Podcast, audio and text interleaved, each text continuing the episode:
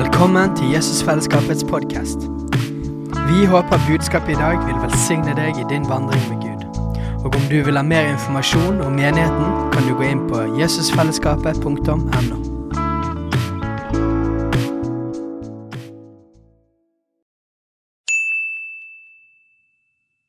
Hei! Visste du at Jesusfellesskapet starter en ny bibelskole til høsten? Den heter Jesusskolen og starter den 3. september. Gå inn på jesusskolen.no for mer informasjon. Jeg tenkte på det. Jeg pleier jo ofte å begynne med en eh, vits eller et eller annet sånt. Men i dag så hadde jeg ikke noen vits på lager, men jeg har en morsom historie som har med nattvær å gjøre. Um, for mange år siden så var vi i en annen menighet her i byen. uh, Og det var nattvær. Og noen venner av oss var der, og de hadde med seg sin fire-fem år gamle datter. Og så Ingebjørg og jeg var framme til nattvær og satte oss ned. Og disse her vennene våre de, de gikk til nattvær litt seinere.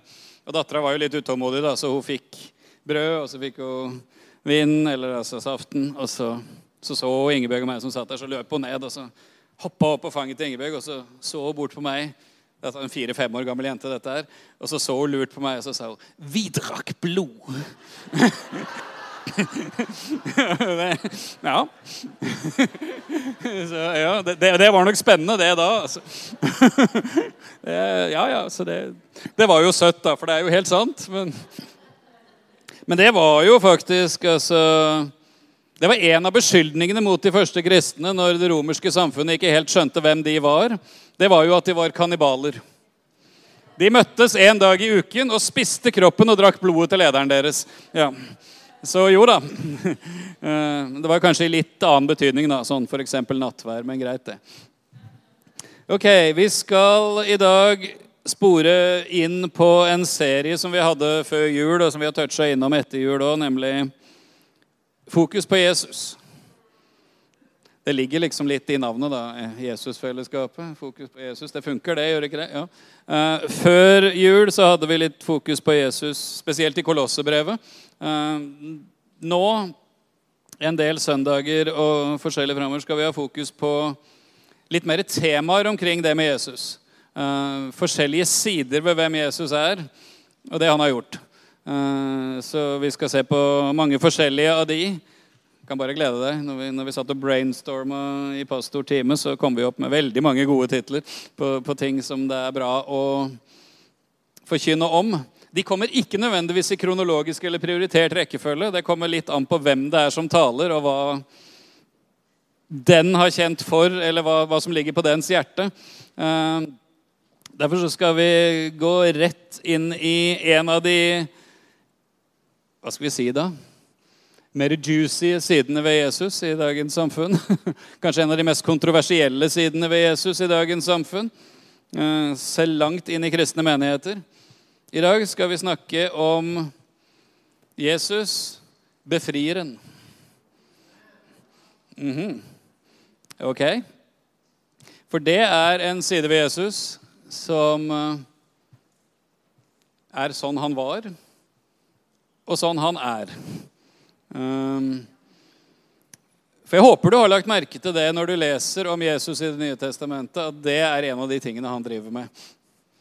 Hvis ikke du har lagt merke til det, så skal du få legge merke til det i dag. i hvert fall. Ok? Så skal vi begynne i jeg, jeg, fant ut Den enkleste måten å gjøre dette her på var I min personlige bibellesning så holder jeg på med Markusevangeliet. Så da tenkte jeg da tar vi en tur inn i Markusevangeliet og ser på noen episoder der som utgangspunkt for dette med Jesus, som er den som befrir. Uh, noen kan jo da kanskje tenke ja, jo, befrir fra hva? Vi kommer dit. Markus kapittel 1 fra vers 21 begynner vi i. Markus 1, 21. De gikk så inn i Kapernaum, og på sabbaten gikk han straks inn i synagogen og lærte. De var slått av undring over hans lære, for han lærte dem som en som hadde myndighet, og ikke som de skriftlærde. Det var da i synagogen deres en mann med en uren ånd. Halleluja. Og han skrek høyt. Jeg skal forklare hvorfor jeg sa halleluja akkurat der. og sa, 'Hva har vi med deg å gjøre, Jesus fra Nasaret? Du er kommet for å ødelegge oss. Jeg vet hvem du er, du Guds hellige.' Altså, Den urene ånden sa det nok ikke helt med det tonefallet, for å si det sånn. Den skrek høyt, men jeg hadde bare ikke lyst til å skremme dere. Um, men Jesus truet den og sa, 'Ti stille og far ut av ham.' Og den urene ånden rev og slet i ham, skrek med høy røst og for ut av ham. Da ble de alle forferdet, og de spurte hverandre, 'Hva er dette?' En ny lære. Med myndighet befaler han til og med de onde ånder, og de adlyder ham. Og ryktet om ham kom straks ut overalt der omkring i Galilea. All right. Jesus og disiplene går i synagogen. De går altså på gudstjeneste. Eh, på en lørdag, altså en sabbat. Og der i synagogen kommer det en mann. Eh, han har sikkert gått i synagogen eh, de fleste sabbater, som gode jøder i Kapernaum gjorde. Men akkurat denne dagen så skjer det noe som de fleste ikke hadde regna med. Tror jeg. Mens Jesus er der, så begynner altså plutselig denne mannen, eller altså noe i denne mannen, å rope. Og det er altså da en uren ånd, står det her, altså, eller det vi ofte på fagspråket kaller demoner. Og jeg tror menneskene der kanskje ble litt sjokkert. Hadde du blitt det? Hvis plutselig et menneske her i forsamlingen hadde begynt å rope med høy røst, og en ikke veldig hyggelig røst, eh, og kanskje ikke helt hyggelige ting heller Det kunne være du hadde blitt litt sjokkert. Men så ble de enda mer sjokkert. For det var ikke bare det som skjedde. Men mannen ble satt fri. Og det er det vesentligste i det som skjedde. Ikke at det var en demon der. For dem er det mange av. Kommer tilbake til det. Men at fordi Jesus var der, så var det altså sånn at denne mannen kom inn med en uren ånd, og han gikk ut igjen satt fri. Og de undret seg fordi Jesus hadde makt og myndighet over de urene ånder. Mm. Det står det. Så la oss begynne der.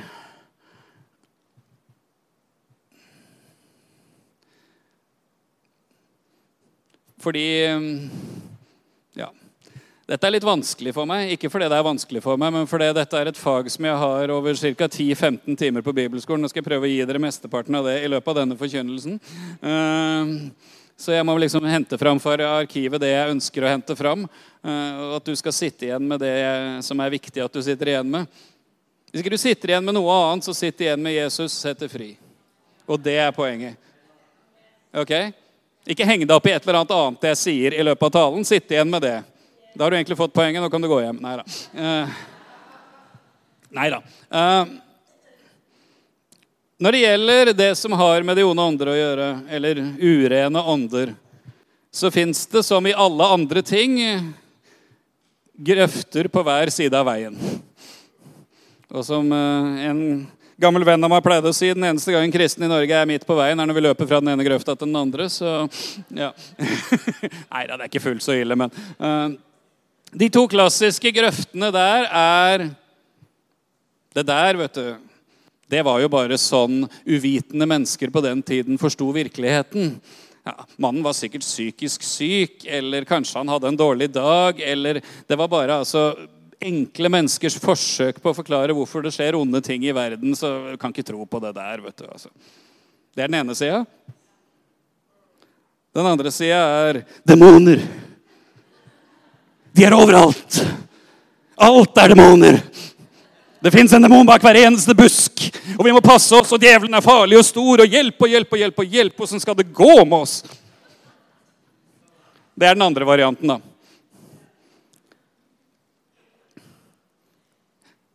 Jeg har møtt begge deler, for å si det sånn, hos forskjellige kristne. Uh,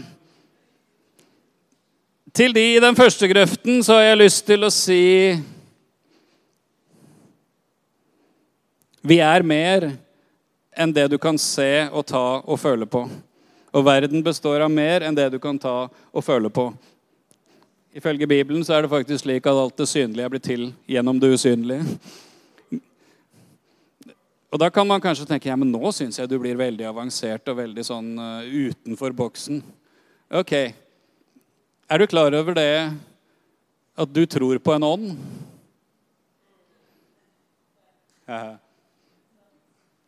Hva mener du? Tror jeg på en ånd? Ja, ifølge Bibelen så er Gud ånd. Tror du på Gud? Ja, la oss se om noen ikke Det er noen som tror på Gud. ja. Gud er ånd, og den som tilber han, skal tilbe han i hva? Ånd og sannhet. Hvor mye av det ser du i hverdagen? Hvor mye av det tenker du over når du står opp om morgenen og smører deg en brødskive og drikker kaffekoppen din? Altså, men det er sånn for det. Det fins en usynlig verden. I den fins Gud, Jesus Kristus, Faderen, Den hellige ånd, engler og demoner. Og de ble ikke igjen i boken.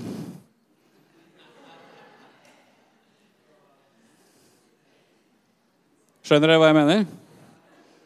De er ikke bare en enkel forklaring for enkle mennesker på det de ikke forsto. I våre dager forstår vi så uendelig mye bedre. De fantes da, de har funnet hele veien opp gjennom historien. De finnes fortsatt. Den andre sida jeg må si til det, er når vi går over i den andre grøften, er De som befinner seg i den andre grøften, har ett eneste problem. Altså De som befinner seg i den første grøfta, de har problemet at de tror ikke at disse tingene fins. Og da må jeg bare få lov å si Djevelen elsker det, altså. Den beste måten å bli beseira av en fiende på, er at du ikke er klar over at han fins. For da kan han gjøre hva han vil. De i den andre grøften derimot, de tror at djevelen og demonene fins. Og at det er det farligste som fins i hele verden, og det verste som fins i hele verden. Og vi må være 100 opptatt av det, for ellers kommer det til å gå, gå veldig ille. Det er bare tull. Det er bare tull. Djevelen og demonene fins, ja. Men det fins en som har seiret over de, og han heter Jesus. Det fins en som ifølge Kolosserne 2,15 har avvæpnet makten og myndighetene, stelt dem åpenlyst til skue og triumfert over dem på korset.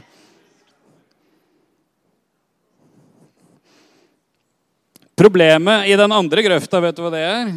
De menneskene har som regel henta sin teologi på dette området fra dårlige skrekkfilmer og serier.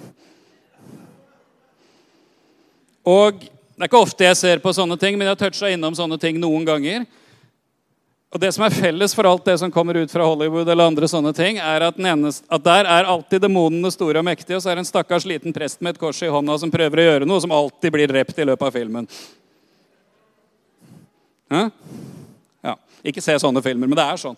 Og Da tenker man jo å, hvis det virkelig fins den verden der, så er det jo sånn. Og det er bare tull. Djevelen og demoner fins, men Jesus har seira over dem. Så enkelt. Men til de da som tenker at ja, men det å være midt på veien da er Jo da, vi tror de fins, men de er jo ikke her.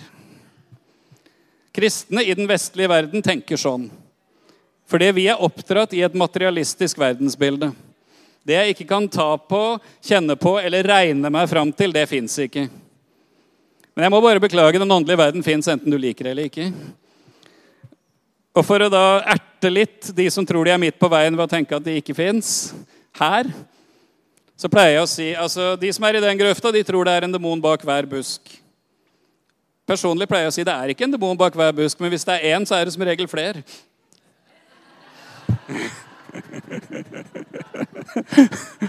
Bam! For de kommer som regel i grupper. Og så er det da et problem som mange bibeloversettelser har hatt opp igjennom, og som var grunnen til at jeg sa halleluja når jeg snudde meg og så på bibelverset der, nemlig vers 23 i Markus 1. Kan ikke vi få det opp, Samuel? Da var det der i synagoge en mann med en uren ånd. I veldig mange bibeloversettelser, i hvert fall klassisk norske bibeloversettelser, og også engelske, så sto det ikke 'med en uren ånd'. Det sto så var det der i deres synagoge en mann som var besatt av en uren ånd. Grunnen til at jeg sa halleluja, er at det som står der, er ordene på gresk. Ordet 'besatt' fins ikke i Det nye testamentet. Ja, men jeg har lest det i min bibel. Ja, det har du, men det er fordi det er dårlig oversettelse. Ordet 'besatt' fins ikke på gresk i Det nye testamentet. Besatt betyr inntatt, eid, fullstendig styrt. En ting jeg, skal jeg love deg, Hvis denne mannen hadde vært besatt, så hadde han ikke gått i synagogen den dagen Jesus kom. Da hadde han vært løpt i helt andre retningen, for den urene ånden hadde ikke lyst til å møte Jesus. Skjønner du tanken?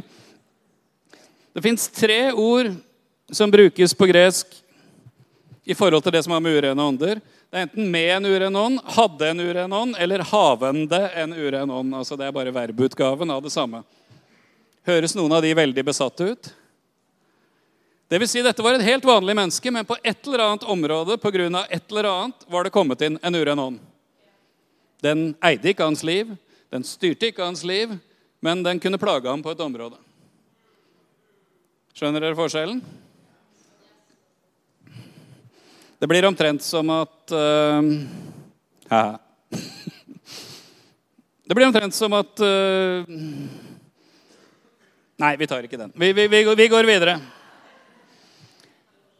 Og Det du skal være klar over her, er at det å kaste ut onde ånder og sette mennesker fri var en stor del av Jesu tjeneste. Helbred de syke,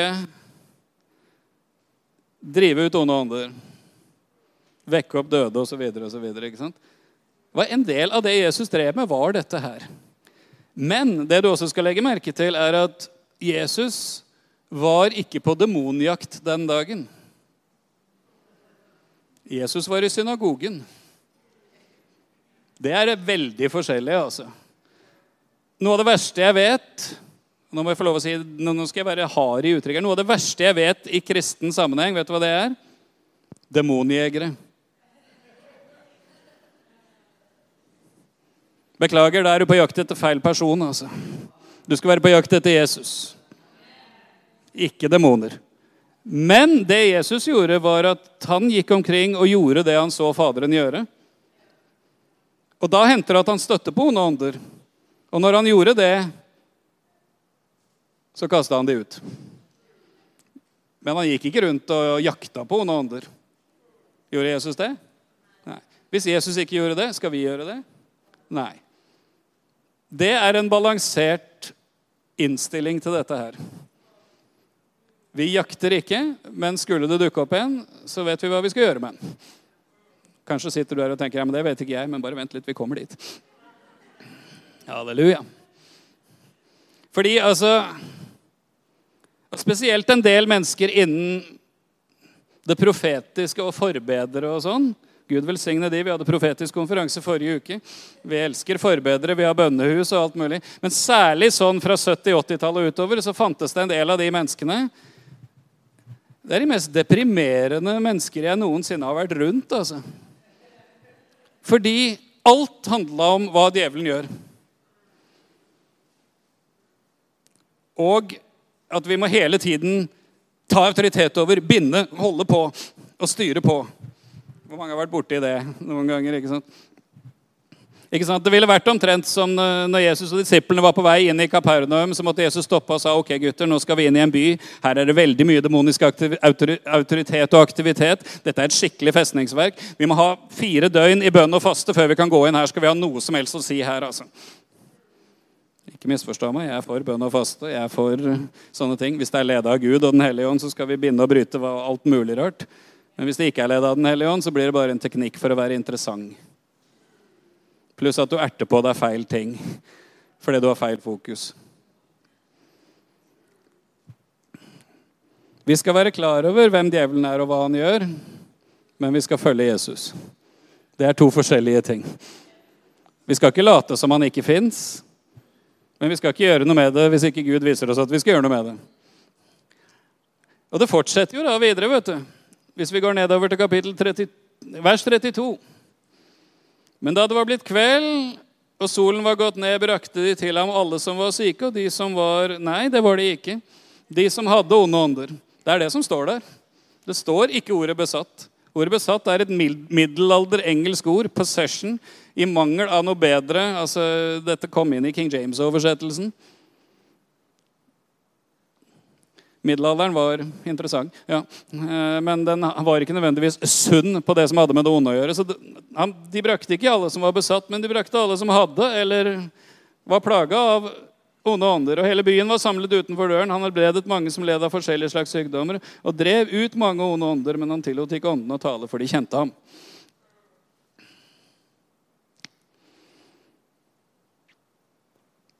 Så enten, kjære venner, så er det slik at disse greiene her ble igjen i boken. Eller så finnes de fortsatt. Og hvis de fortsatt fins, så holder de fortsatt på med det samme som det de gjorde på Jesu tid. Og Hvis du lurer på arbeidsbeskrivelsen deres, så er det bare å se hva Jesus har gitt av sjefen deres for arbeidsbeskrivelse. Og Hvis du lurer på det, så er den i Johannes 10.10. 10. Tyven kommer bare for å myrde, stjele og ødelegge. Det gjør de som er under han også. Så ikke bli overraska hvis noen prøver på å myrde, stjele og ødelegge. Det er jobben deres. Altså, Bare betyr det er det de holder på med. da. Ikke ja, det er hobbyen deres. Det er faktisk det de driver med. Og Da blir jo spørsmålet hvis mennesker på den tiden trengte å bli satt fri fra ting, kan det være mennesker i vår tid trenger å bli satt fri fra ting også? Jeg tror det. Jeg tror det. Og det er merkelig. De som da tenker at disse her fins, mange av de tenker også Jo da, demonene fins i våre dager, men de er i andre deler av verden de er i Afrika og i Asia og i Sør-Amerika. For det har vi hørt om når misjonærene kommer hjem og forteller fra misjonsmarken. Så der er de, men i vår avanserte verden, der er det jo ikke rom for sånt. Ja. Det er ikke bare ikke avansert, det er ren og skjær dumhet, for å si det sånn. Men jeg har hørt seriøst det. En professor på Menighetsfakultetet sa det en gang i et intervju som jeg leste i avisen på slutten av 90-tallet. eller noe sånt. Nei, altså I våre dager så tror jeg jo mennesker trenger befrielse også i vårt land. For nå har det kommet så mange mennesker fra andre kulturer hvor dette er vanlig. Right. Så demonene kom med innvandrerne, altså. Interessant. Hmm. Ja, for, du, for du, må, du, må, jo skjønne det at vi i vår norske kultur vi kan jo ikke ha problemer med sånt. Det kalles hovmod, for å si det sånn. Kjære vene. Uh, eneste forskjellen på misjonsmarken og her er at fordi menneskene der tror demoner fins og er redd for dem, så opererer de mer i det synlige. For da kan de skremme, og frykt er en av deres våpen. Fordi menneskene her ikke tror de fins, så opererer de mye mer i det usynlige og i det skjulte. Men de holder like mye på, altså. Det gjør de. Men Jesus har seire over dem. La oss holde fast på det hele tida. Jeg liker ikke å snakke om disse her, men noen ganger må vi snakke om disse her. Dette er egentlig bare for å dekke bordet, da. For da går vi videre. Kapittel 3.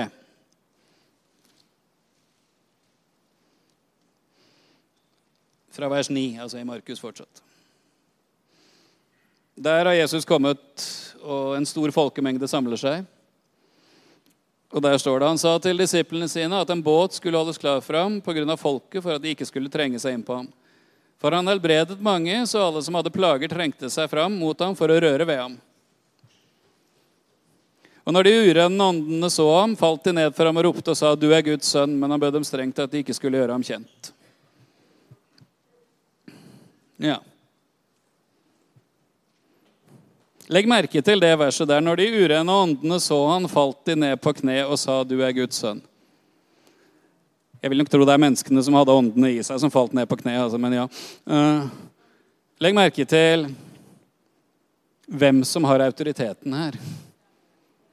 Det er ikke de urene åndene. Når de urene åndene så han, hva gjorde de da? De falt ned på kne. Hva er det et tegn på? Respekt, ærefrykt, underdanighet. Og de bekjente du er Guds sønn. Det er ikke tvil om hvem som har autoriteten her.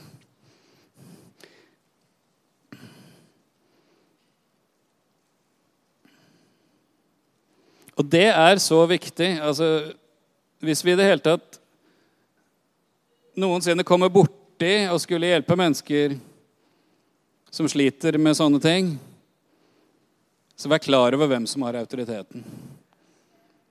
For Hvis ikke du er klar over det, så skal jeg love deg at de er klar over det. Og de vil da i så fall teste deg på om du er klar over det. Så du må være klar over det. Og hvor stor er egentlig Jesu autoritet over de onde ånder? Er det litt?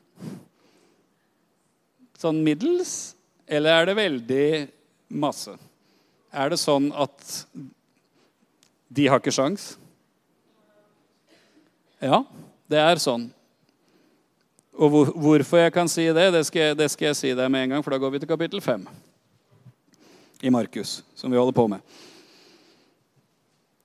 Som både er beviset på det jeg sa tidligere, at ordet 'besatt' ikke er bibelsk, eh, og som er beviset på hvor, hvilken stor autoritet Jesus har. Fordi da kommer vi til han derre mannen i gravhulene. Noen som husker han? Ja, hvis ikke så skal du få møte han her og nå. Da de kom over til den andre siden av sjøen, til Gerasenelandet, kapittel 5, vers 1 Da han var steget ut av båten, kom det straks mot ham en mann fra gravene. Han var besatt av en uren ånd. Det var han ikke, det. Rød strek under det. Han hadde, står det der, en uren ånd. Og grunnen til at jeg sier det, hadde han ikke det, selv om det står der. Eh, sto der, ja er at det er måten å oversette det ordet på. Men, men, den tingen vil jeg si akkurat der. Hvis det var et menneske som var i nærheten av å være besatt av de du møter i Bibelen, så var det denne karen her. Altså, Det står videre ikke sant? De hadde bundet han med lenker. Han sprengte de av. ikke sant?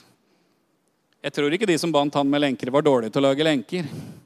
Altså Her snakker vi om krefter som er langt utover vanlige fysiske krefter. ikke sant? Her snakker vi om et menneske som er så plaga. ikke sant? La oss lese videre. Vers 3. Og hadde sitt tilhold i gravene. Å holde til i gravhuler er ikke et egnet sted for mennesker. altså. Ingen var lenger i stand til å binde ham, ikke engang med lenker. For han var ofte blitt bundet med fotjern og lenker, men han hadde revet lenkene av og sprengt fotjernet, og ingen kunne rå med ham. Hele tiden, natt og dag, for han omkring i gravene og fjellene, og han skrek og slo seg selv med steiner. Hvis du lurer på hva demoner driver med Tyven kommer bare for å myrde, stjele og ødelegge. Her ser du kroneksempelet på det i Det nye testamentet. Men mannen var ikke besatt. Han var alvorlig plaget. Og beviset på det finner du i neste vers. Vers 6. Da han så Jesus langt borte fra, kom han løpende og falt ned for ham. Hvis han hadde vært besatt, dvs. Si fullstendig styrt av demonene, og de fikk øye på Jesus, hadde de løpt mot Jesus da? Da hadde, hadde de sendt han, satt ny verdensrekord på maraton i motsatt retning. Altså. Men mannen hadde fortsatt en vilje. Og den var i hvert fall sterk nok til at når han så Jesus, og det har nok med at han så Jesus, så fikk han håp og tro om en forandring i sitt liv, og han løp mot Jesus. Han så kanskje for første gang i sitt liv den eneste som kunne gjøre en forandring i hans liv.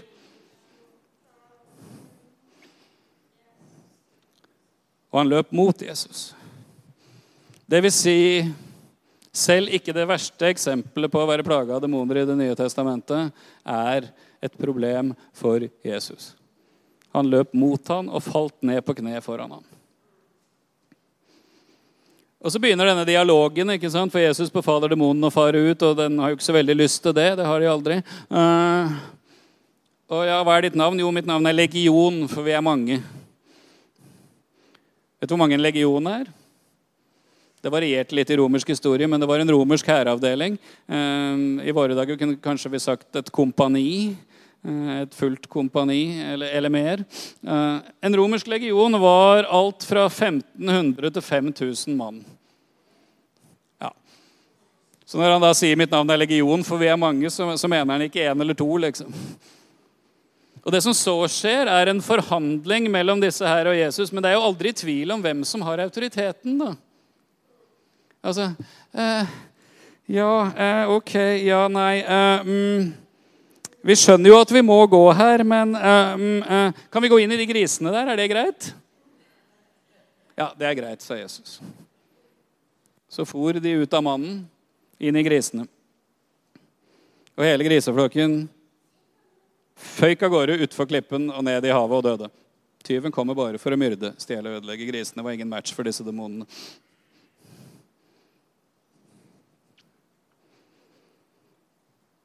Men legg merke til hvem som har autoriteten her. Det er Jesus. Legg merke til hvem som setter rammene og begrensningene og styrer hva som skjer. Det er ikke demonene, det er Jesus.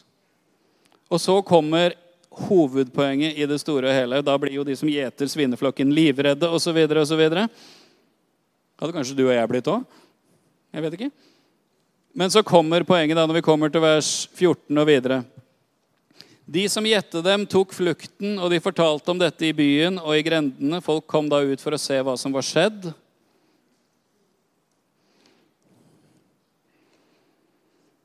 Da de kom fram til Jesus, fikk de se den ikke besatte, men den sterkt plagede, sitte der påkledd over sans og samling, han som hadde hatt en legion, og de ble slått av frykt.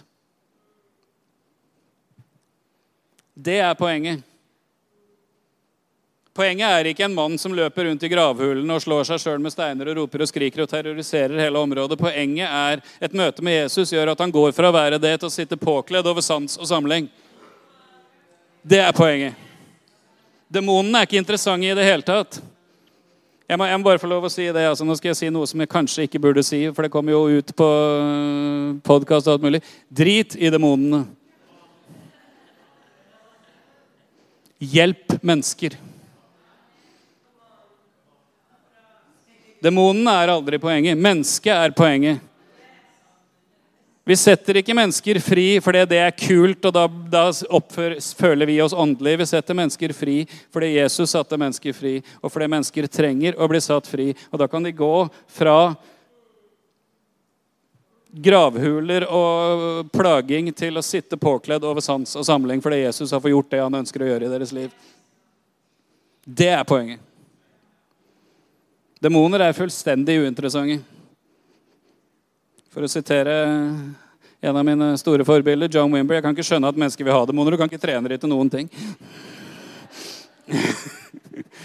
Dårligste kjæledyrene du kan ha. Det er bare for å få det litt ned, kan du si.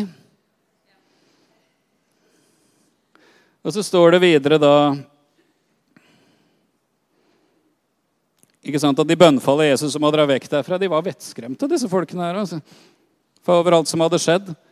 Og så står det om mannen, vers 18. Da han gikk i båten, ba han som ikke hadde vært besatt, men som hadde vært sterkt plaget, om å få bli med ham.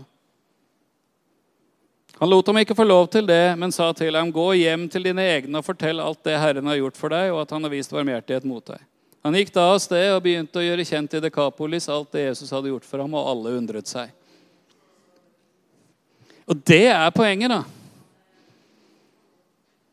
Poenget er at du går fra en mann som terroriserer et helt område jeg, jeg, tviler på om det var noen som hadde lyst til å legge veien om de gravhullene. for å si det sånn. Du går fra en mann som terroriserer et helt område, til en mann som reiser rundt Dekapolis betyr, betyr ti byer. Reiser rundt i ti byer og forteller alt Jesus har gjort for, for ham. Det er en vesentlig forskjell. altså. Ett møte med Jesus, fullstendig forvandlet liv. Herlig. Hvorfor han hadde møtt Jesus, befrieren. Og det er jo poenget. Poenget er ikke hva du trenger å bli fri fra. Poenget er hva du skal få bli fri til. Det å bli kvitt negative ting betyr at du er på null. Poenget er å bli fri til å følge Jesus. Det var det mannen ville. Han gikk fra å terrorisere en helt, helt område til å ville være med Jesus videre. Bli fri til å følge Jesus enda mer. Halleluja. Mm -mm. Og så gjør jo Jesus noe enda mer radikalt. Da, for nå har vi liksom etablert det Jesus har makt og myndighet over de onde ånder. Om det er én eller om det er en legion. Jesus har makt og myndighet over dem. Men så gjør Jesus noe enda mer radikalt. Når vi kommer til kapittel 6, fra vers 17 Nei, nå tuller jeg. Fra vers 7. Jeg var litt foran meg sjøl. Markus 6, vers 7. Han kalte de tolv til seg og begynte å sende dem ut to og to, og han ga dem makt over de urene ånder. Oi! Nå begynner det å bli interessant. Det er jo spennende nok, det vi har vært gjennom til nå. Men det var Jesus, ikke sant? Guds sønn. Den enbårne, han som hadde vært i Faderens herlighet fra evigheta og kom ned. ikke sant? Altså Overmenneske, supermenneske. Nei da, det var han ikke. Han ga avkall på sin herlighet og kom ned. Han var menneske, I sin ferd ble han funnet som et menneske, akkurat som deg og meg. Og så gir Jesus denne makten, autoriteten, videre da til Peter, Jakob og Johannes og alle disse her. Er det én ting du bør ha lært deg om disse apostlene til nå, så er det at de var ganske så vanlige mennesker. altså.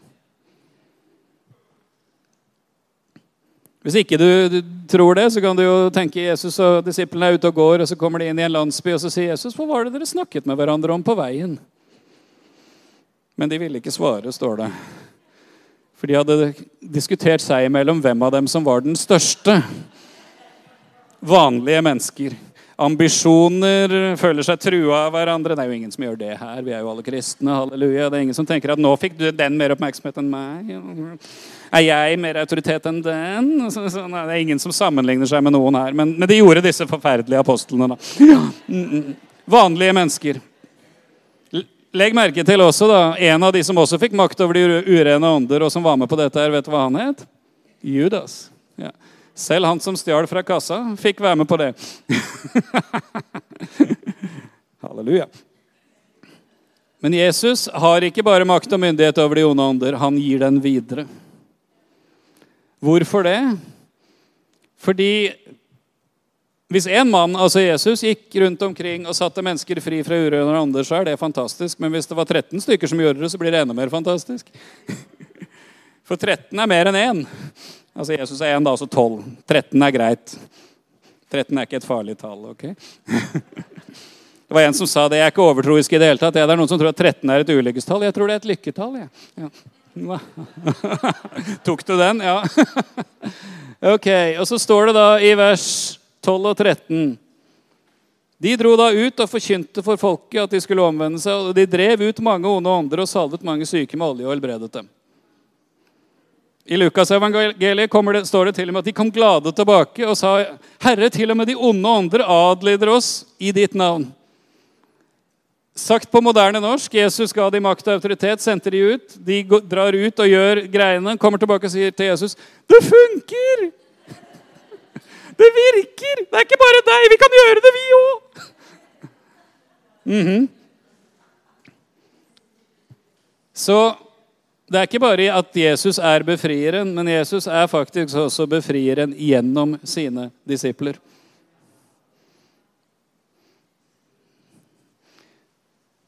Så rusler vi videre, vet du. Kommer vi til kapittel 9. Er du med? Ja. Er det greit? Du er ikke skremt? Nei. Her er det fint. Kommer vi til kapittel 9. Og Der har Peter, og Jakob og Johannes fått se Jesu herlighet oppe på et høyt fjell. og Så kommer de ned igjen, og da har resten av disiplene i store problemer.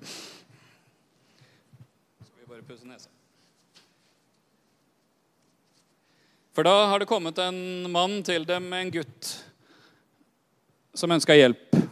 Men det sliter de med. Vi, vi, vi leser historien fra, fra, vers 17. En i folkemengden svarte 'Mester, jeg har ført til deg sønnen min, som ikke er besatt, nei, men som har en stum ånd.' Når den tar tak i ham, sliter den i ham, han fråder og skjærer tenner og visner bort. Jeg sa til disiplene dine at de skulle drive den ut, men de var ikke i stand til det. Han sa da til dem, 'Du vantro slekt, hvor lenge skal jeg være hos dere?' 'Hvor lenge skal jeg tåle dere før ham til meg?' Og det er poenget uansett hva, hva, hva, hva som er problemet for mennesker. Før dem til Jesus. Ikke til meg, ikke til deg. Før dem til Jesus. Halleluja. De førte gutten bort til ham, og da han så Jesus, begynte straks ånden å rive og slite i gutten, så han falt i jorden, veltet seg og frådet. Tyven kommer bare for å myrde, stjele og ødelegge. Og Han spurte hans far hvor lenge, lang tid har det vært slik med ham. Han svarte fra barndommen av. Ofte har den kastet ham i ild og i vann for å gjøre ende på ham. Myrde, stjele og ødelegge. Men om du kan gjøre noe, ha medynk med oss og hjelp oss. Jesus sa til ham, om du kan tro, alt er mulig for den som tror. Straks ropte guttens far, jeg tror, hjelp min vantro. Da Jesus så at folket stemlet sammen, truet han den urene ånden og sa til den, du stumme og døve ånd, jeg befaler deg, far ut av ham og gå aldri mer inn i ham. Da skrek den høyt, slet hardt i ham og for ut av ham. Han lå som livløs, og mange sa, han er død. Men Jesus grep ham ved hånden og reiste ham opp, og han sto opp. Da han var kommet inn i hus, spurte disiplene hans, han ene om hvorfor kunne ikke vi drive den ut. Han sa til dem dette slaget kan kun bli drevet ut ved bønn og faste. Det er en annen tale, så den tar vi ikke akkurat nå. Men poenget her igjen er Jeg vet at veldig mange mennesker i sitt moderne sinn har konkludert med at denne gutten hadde helt sikkert epilepsi. Og at dette var en billedlig måte å forklare det at gutten ble helbredet på. Men eh, jeg vet ikke jeg, hvor mange mennesker med epilepsi kjenner du som blir kasta i ild og vann til daglig? Det er noe mer her, for å si det sånn, at det, var et sykdomsside ved dette. her, for all det, Men det er noe mer her enn van, en vanlig sykdom, for å si det sånn. Og hele poenget igjen Gutten blir satt fri. Hvilken forandring tror du det var for den familien? Altså, Hvor mye av hverdagslivet deres tror du dreide seg om å prøve å passe på denne gutten? Hvor mange bønner tror du mamma og pappa hadde bedt om at Gud skulle gripe inn i denne guttens liv? Dette er troende mennesker, dette er, dette er jøder. ikke sant? Altså. Og så kommer bønnesvaret. Han heter Jesus. Og han setter gutten fullstendig fri. Ok, Dette var bare de konkrete befrielsesepisodene i Markusevangeliet. Hvis du leser de andre evangeliene nå, så får du flere. Dette var en vesentlig del av Jesus sin tjeneste. Og Markusevangeliet avsluttes i kapittel 16, fra vers 15 med at Jesus sier til disiplene Han sa til dem, 'Gå ut i all verden og forkynne evangeliet for all skapningen.' Den som tror og blir døpt, skal bli frelst, men den som ikke tror, skal bli fordømt. Og disse tegnene skal følge dem som tror. I mitt navn skal de gå på møter. Diskutere teologi i kommentarfeltene på Internett. Binde alle demonene så Trump kan bli president igjen. Nei, altså jeg, okay, Beklager hvis jeg fornærmer noen nå. Uh, men det var ikke det han sa. I mitt navn skal de drive ut onde ånder. De skal tale med nye tunger, de skal ta slanger i hendene. Om de drikker dødelig gift, skal det ikke skade dem. På syke skal det legge sine hender, og de skal bli helbredet. Disse tegn skal følge de som tror. Hva var det første av de tegnene? I mitt navn skal de drive ut onde ånder. Altså, Nå er det ikke da bare disse tegn skal følge apostlene, som Jesus hadde gitt makt og myndighet til. I det Jesus sier der, så gir Jesus den samme makt og myndighet til hvert eneste menneske som tror på han. Disse tegn skal følge den som tror. Ok. Hvor mange er her inne som tror? Ja, herlig. Jeg er i en troende forsamling. Det er, det er nydelig. Disse tegn skal følge deg. I Jesu navn skal du drive ut onde ånder. Det er ikke noe valgfrihet der, altså. Skal. Men ok, vi, vi kan nøye oss med kan. Det var, det var en, en, forkynner jeg kjenner som sa egentlig så burde det, burde det på moderne norsk ikke stå disse tegn skal følge de som tror, men disse tegn skal følge de som tør. For dette har jo med å ta et steg ut av båten. Dette er ikke det mennesker holder på med i hverdagslivet sitt. Verken å legge hendene på de syke og de skal bli bredet, eller å drive ut onde ånder. Den dødelige giften får vi ta en annen gang. Og så står det i vers 20. Men de gikk ut og forkynte overalt. Og Herren virket med og stadfestet ordet ved de tegnene som fulgte. Det vil altså si, De gikk ut og forkynte overalt, og Herren virket med ved at de drev ut onde ånder. For det var et av tegnene. Ved at helbreda syke osv. osv.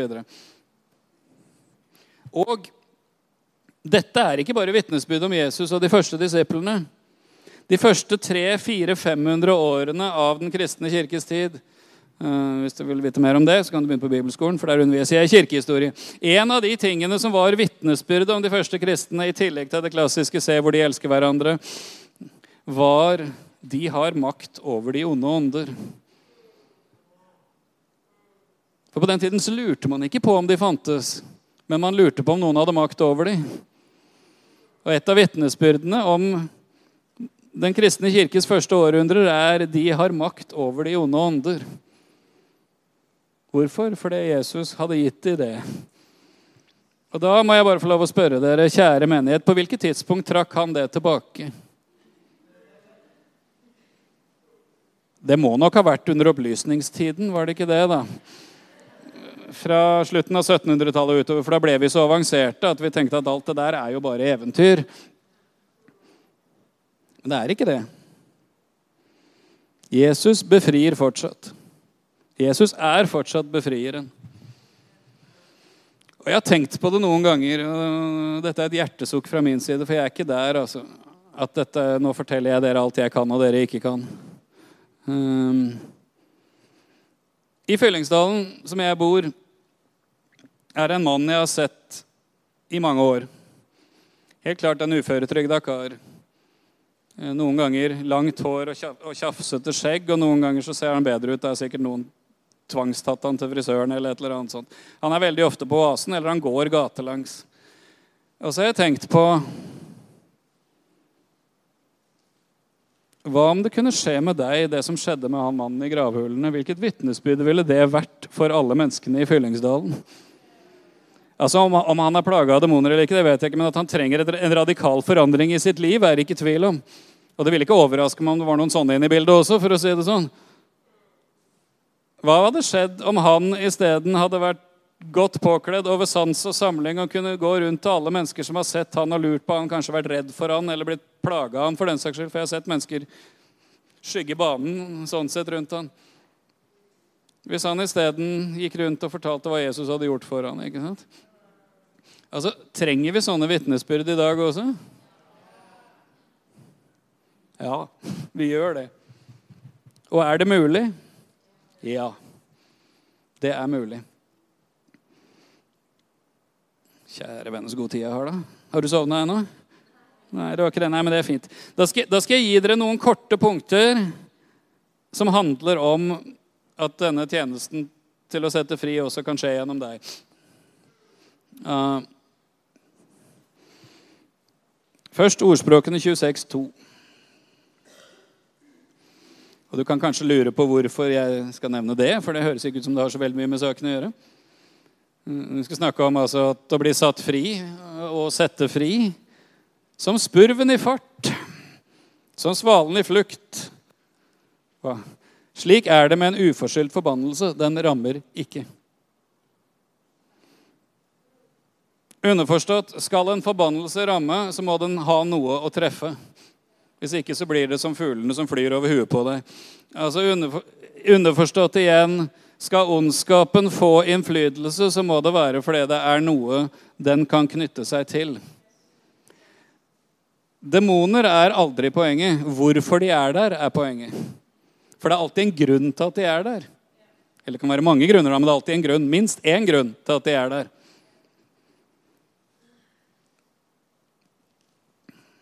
Og Hvis ikke du tror det er sånn, så sier Jesus i Johannes 14, 30 om seg selv Bare finne det ordet her, Johannes 14, 30. Heretter skal jeg ikke tale mye med dere, for denne verdens fyrste kommer, og han har ikke noe i meg. Jesus var hel, Jesus var ren, Jesus var prøvd i alle ting uten synd. Denne verdens fyrste, altså djevelen, hadde altså ingen del, hadde ingen adgang, hadde ikke noe sted å ta tak i Jesus. For at demonene skal kunne plage mennesker, så må de ha inngang på et eller annet vis. Det vil altså si demonene er ikke poenget. Men hva det er som har gjort at de har mulighet til å være der, er poenget. Og Hvis du tenker nei, nå syns jeg du overdriver litt her, så kan vi da ta Efeserne 427.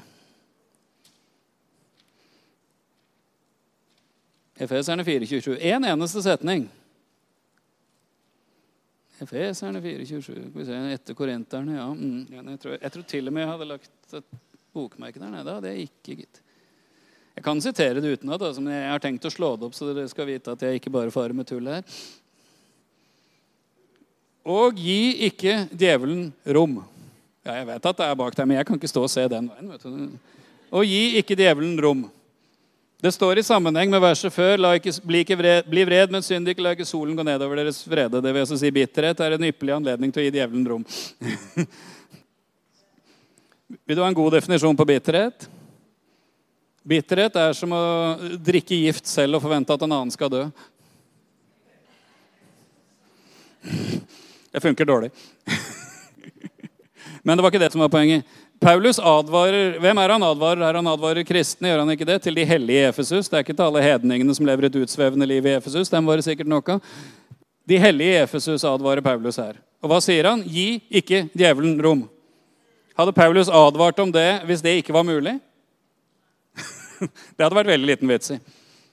Ikke sant? Han, Paulus advarte ikke de kristne i Efesus og sa Reis ikke med fly. Hadde det vært mulig på den tiden? Nei. Nei ikke sant? Altså, han kommer med en advarsel om noe som er mulig. Det vil altså si det er mulig å gi djevelen rom.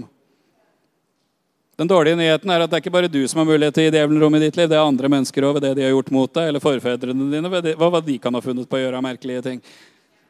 Det er en helt annen undervisning, men greit nok. Det vil si det er mulig at djevelen kan få rom. Og hele poenget er å fjerne det rommet.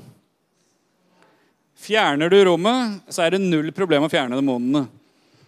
Hvis du driver og hiver ut demonene, men du ikke rydder rommet, da ender vi opp der Jesus også snakka om. Når den urene ånden farer ut av et menneske, flakker det omkring i tørre og øde steder. Helt til det sier 'nei, jeg vil dra tilbake der jeg kom fra'. Og Da finner han huset feid og pyntet og tar med seg syv som er verre enn seg selv. Og for det mennesket blir det mye verre enn i første runde. For Ellers kan du bruke resten av livet ditt på å hive demoner ut av mennesker. Men hvis årsaken til at de kunne være der, ikke blir fjerna, så kommer de jo bare tilbake igjen. Hvis djevelen har fått rom, så er poenget å fjerne rommet. Det er ikke noe problem å fjerne demonene. Vår gamle venn Charles Craft pleier å bruke det klassiske bildet på dette her, som alle har hørt meg si mange ganger. og Hvis du ikke har det, så får du høre meg si det for første gang. Rotter er ikke noe gøy. De fant en død rotte ute i bakgården her. Vaktmesterteamet her for litt siden. Rotter er ikke noe gøy. Jeg var, glad han var død, for å si det sånn. Hvor mange liker rotter? Det er liksom sånn, nei, nei.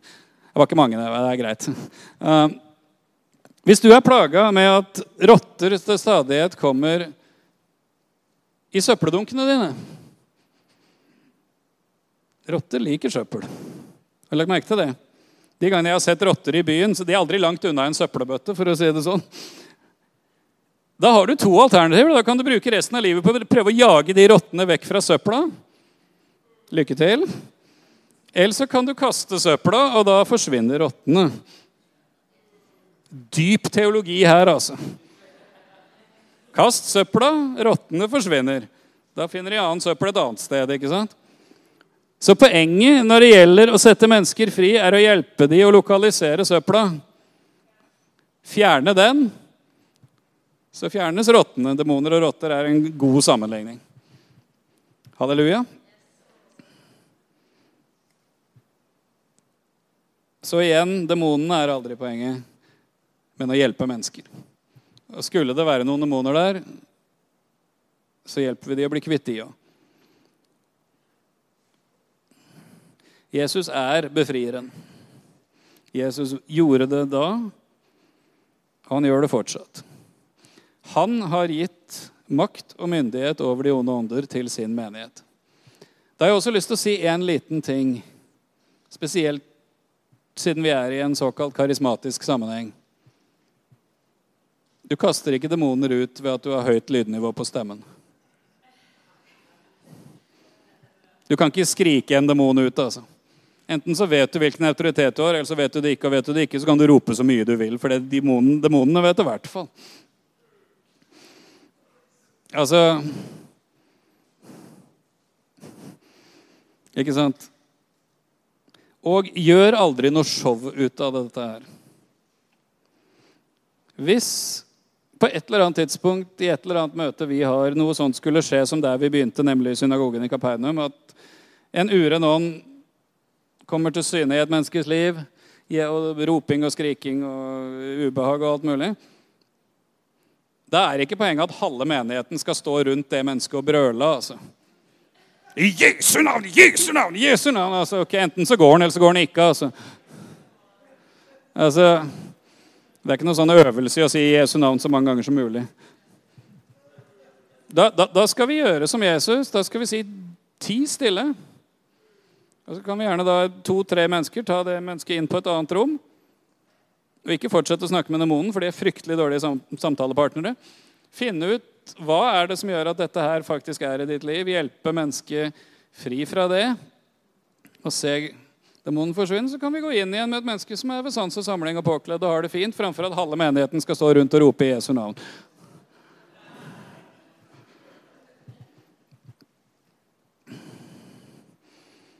Men en ting har jeg lyst til å si før vi avrunder dette her, og det er det at altså Denne sida her av det kristne livet kan virke veldig skremmende på en del mennesker. Rett og slett fordi i vår vestlige, materialistiske verden så er dette så fremmed at det er lett å tenke at det der er bare sånt som skjer på Misjonsmarken eller i dårlige filmer. Men Jesus er fortsatt seierherren. Jesus er fortsatt den som de onde ånder bøyer kne for. Og de er veldig klar over Jesu autoritet. Og de er veldig klar over at Jesus har gitt den autoriteten til de som tror på han. Og derfor så er det ikke noe farlig. For du er på vinnerlaget, altså. Og dessuten, for å, for å nevne det bare sånn til slutt ikke sant, ok, Husk på at det ikke bare fins demoner, det fins engler også. Og Ifølge Bibelen så for hver demon så er det to engler. Så vi er ikke bare på vinnerlaget, vi er i overtall. Og Hvis du syns det er litt for skummelt bare med deg og Jesus og Den hellige ånd, så kan du be Faderen om å sende noen engler til å komme og hjelpe til å holde disse her i sjakk. ikke sant? Altså, de er tjenende ånder for oss som skal arve frelsen, så du skal ikke befale eller kommandere dem, men du kan gjerne be om å få hjelp fra dem. Altså, ikke sant? Det funker, det.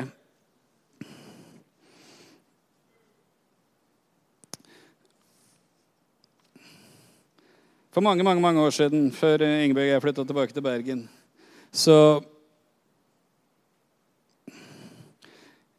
I den menigheten vi da var ledere for, så var det et menneske som på en kirkekaffe luftet sin frustrasjon for min kjære Ingebjørg. Jeg har altså så smerter i kneet, og jeg har hatt det i flere år, og det er ingenting som hjelper. Jeg har prøvd fysioterapi, jeg har prøvd medisiner, jeg har prøvd trening, jeg har prøvd you name it. Jeg har til og med vært healer, og ingenting hjelper. Og da ble min ellers så veldig omsorgsfulle og hyggelige kone litt nidkjær og sa, 'Ja, har du prøvd forbønn, da?' Og da svarer dette kristne mennesket, 'Nei, det har jeg ikke tenkt på'. Det var ikke en som gikk i den menigheten vi var ledere for til vanlig. Det var et menneske som var på besøk. Så gikk det noen dager, så får vi telefon fra samme menneske som sier Jeg ble liksom ikke kvitt det Ingebjørg sa der.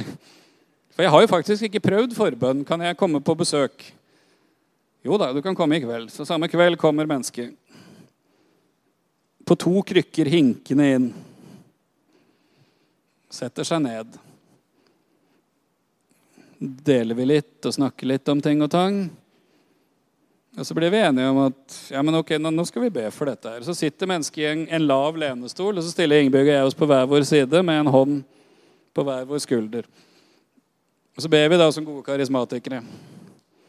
Vi velsigner også navnet på personen. Takk for personen. Takk at du døde for personen. Takk at du har betalt for helbredelsen, Jesus. Halleluja. Kom, Hellige Ånd. Og idet vi sa 'Kom, Hellige Ånd', så ble det iskaldt i rommet. Det var godt og varmt der fra før. Det var midt på vinteren. Sånn så ble det iskaldt i rommet. Da så Ingebjørg og jeg på hverandre, og så smilte vi og så tenkte vi 'gotcha'.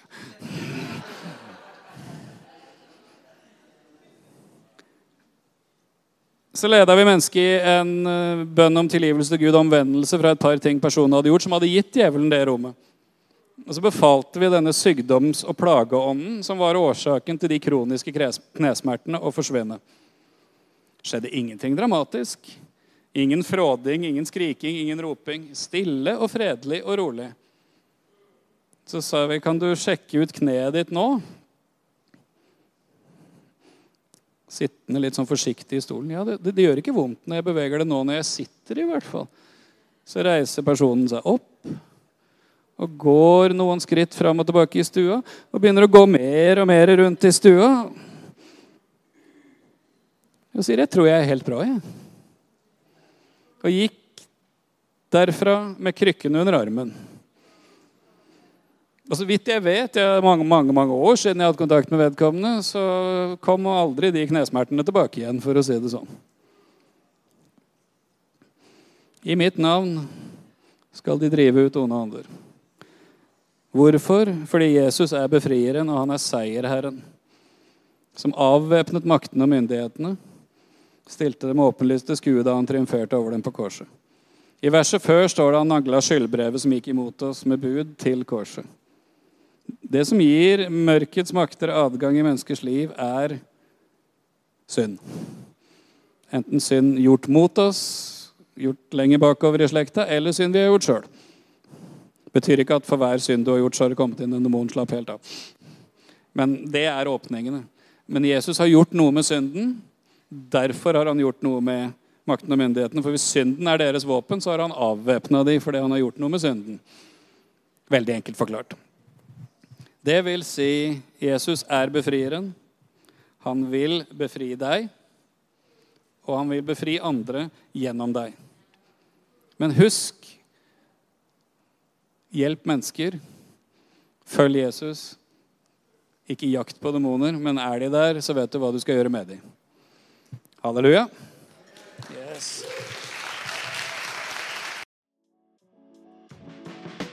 Hei, alle sammen. Det er Katrine og Steinar Lofnes her. Vi er hovedledere for Jesusfellesskapet. Så kjekt du har lyttet til denne podkasten. Har du forresten hørt noen av de andre podkastene våre? Ukens tale, Disippelskolen, Hyrdepodden, Kulturkrigen og Mammas hjerte. Du finner disse podkastene på Spotify, Apple Podkaster og på nettsiden vår jesusfellesskapet.no.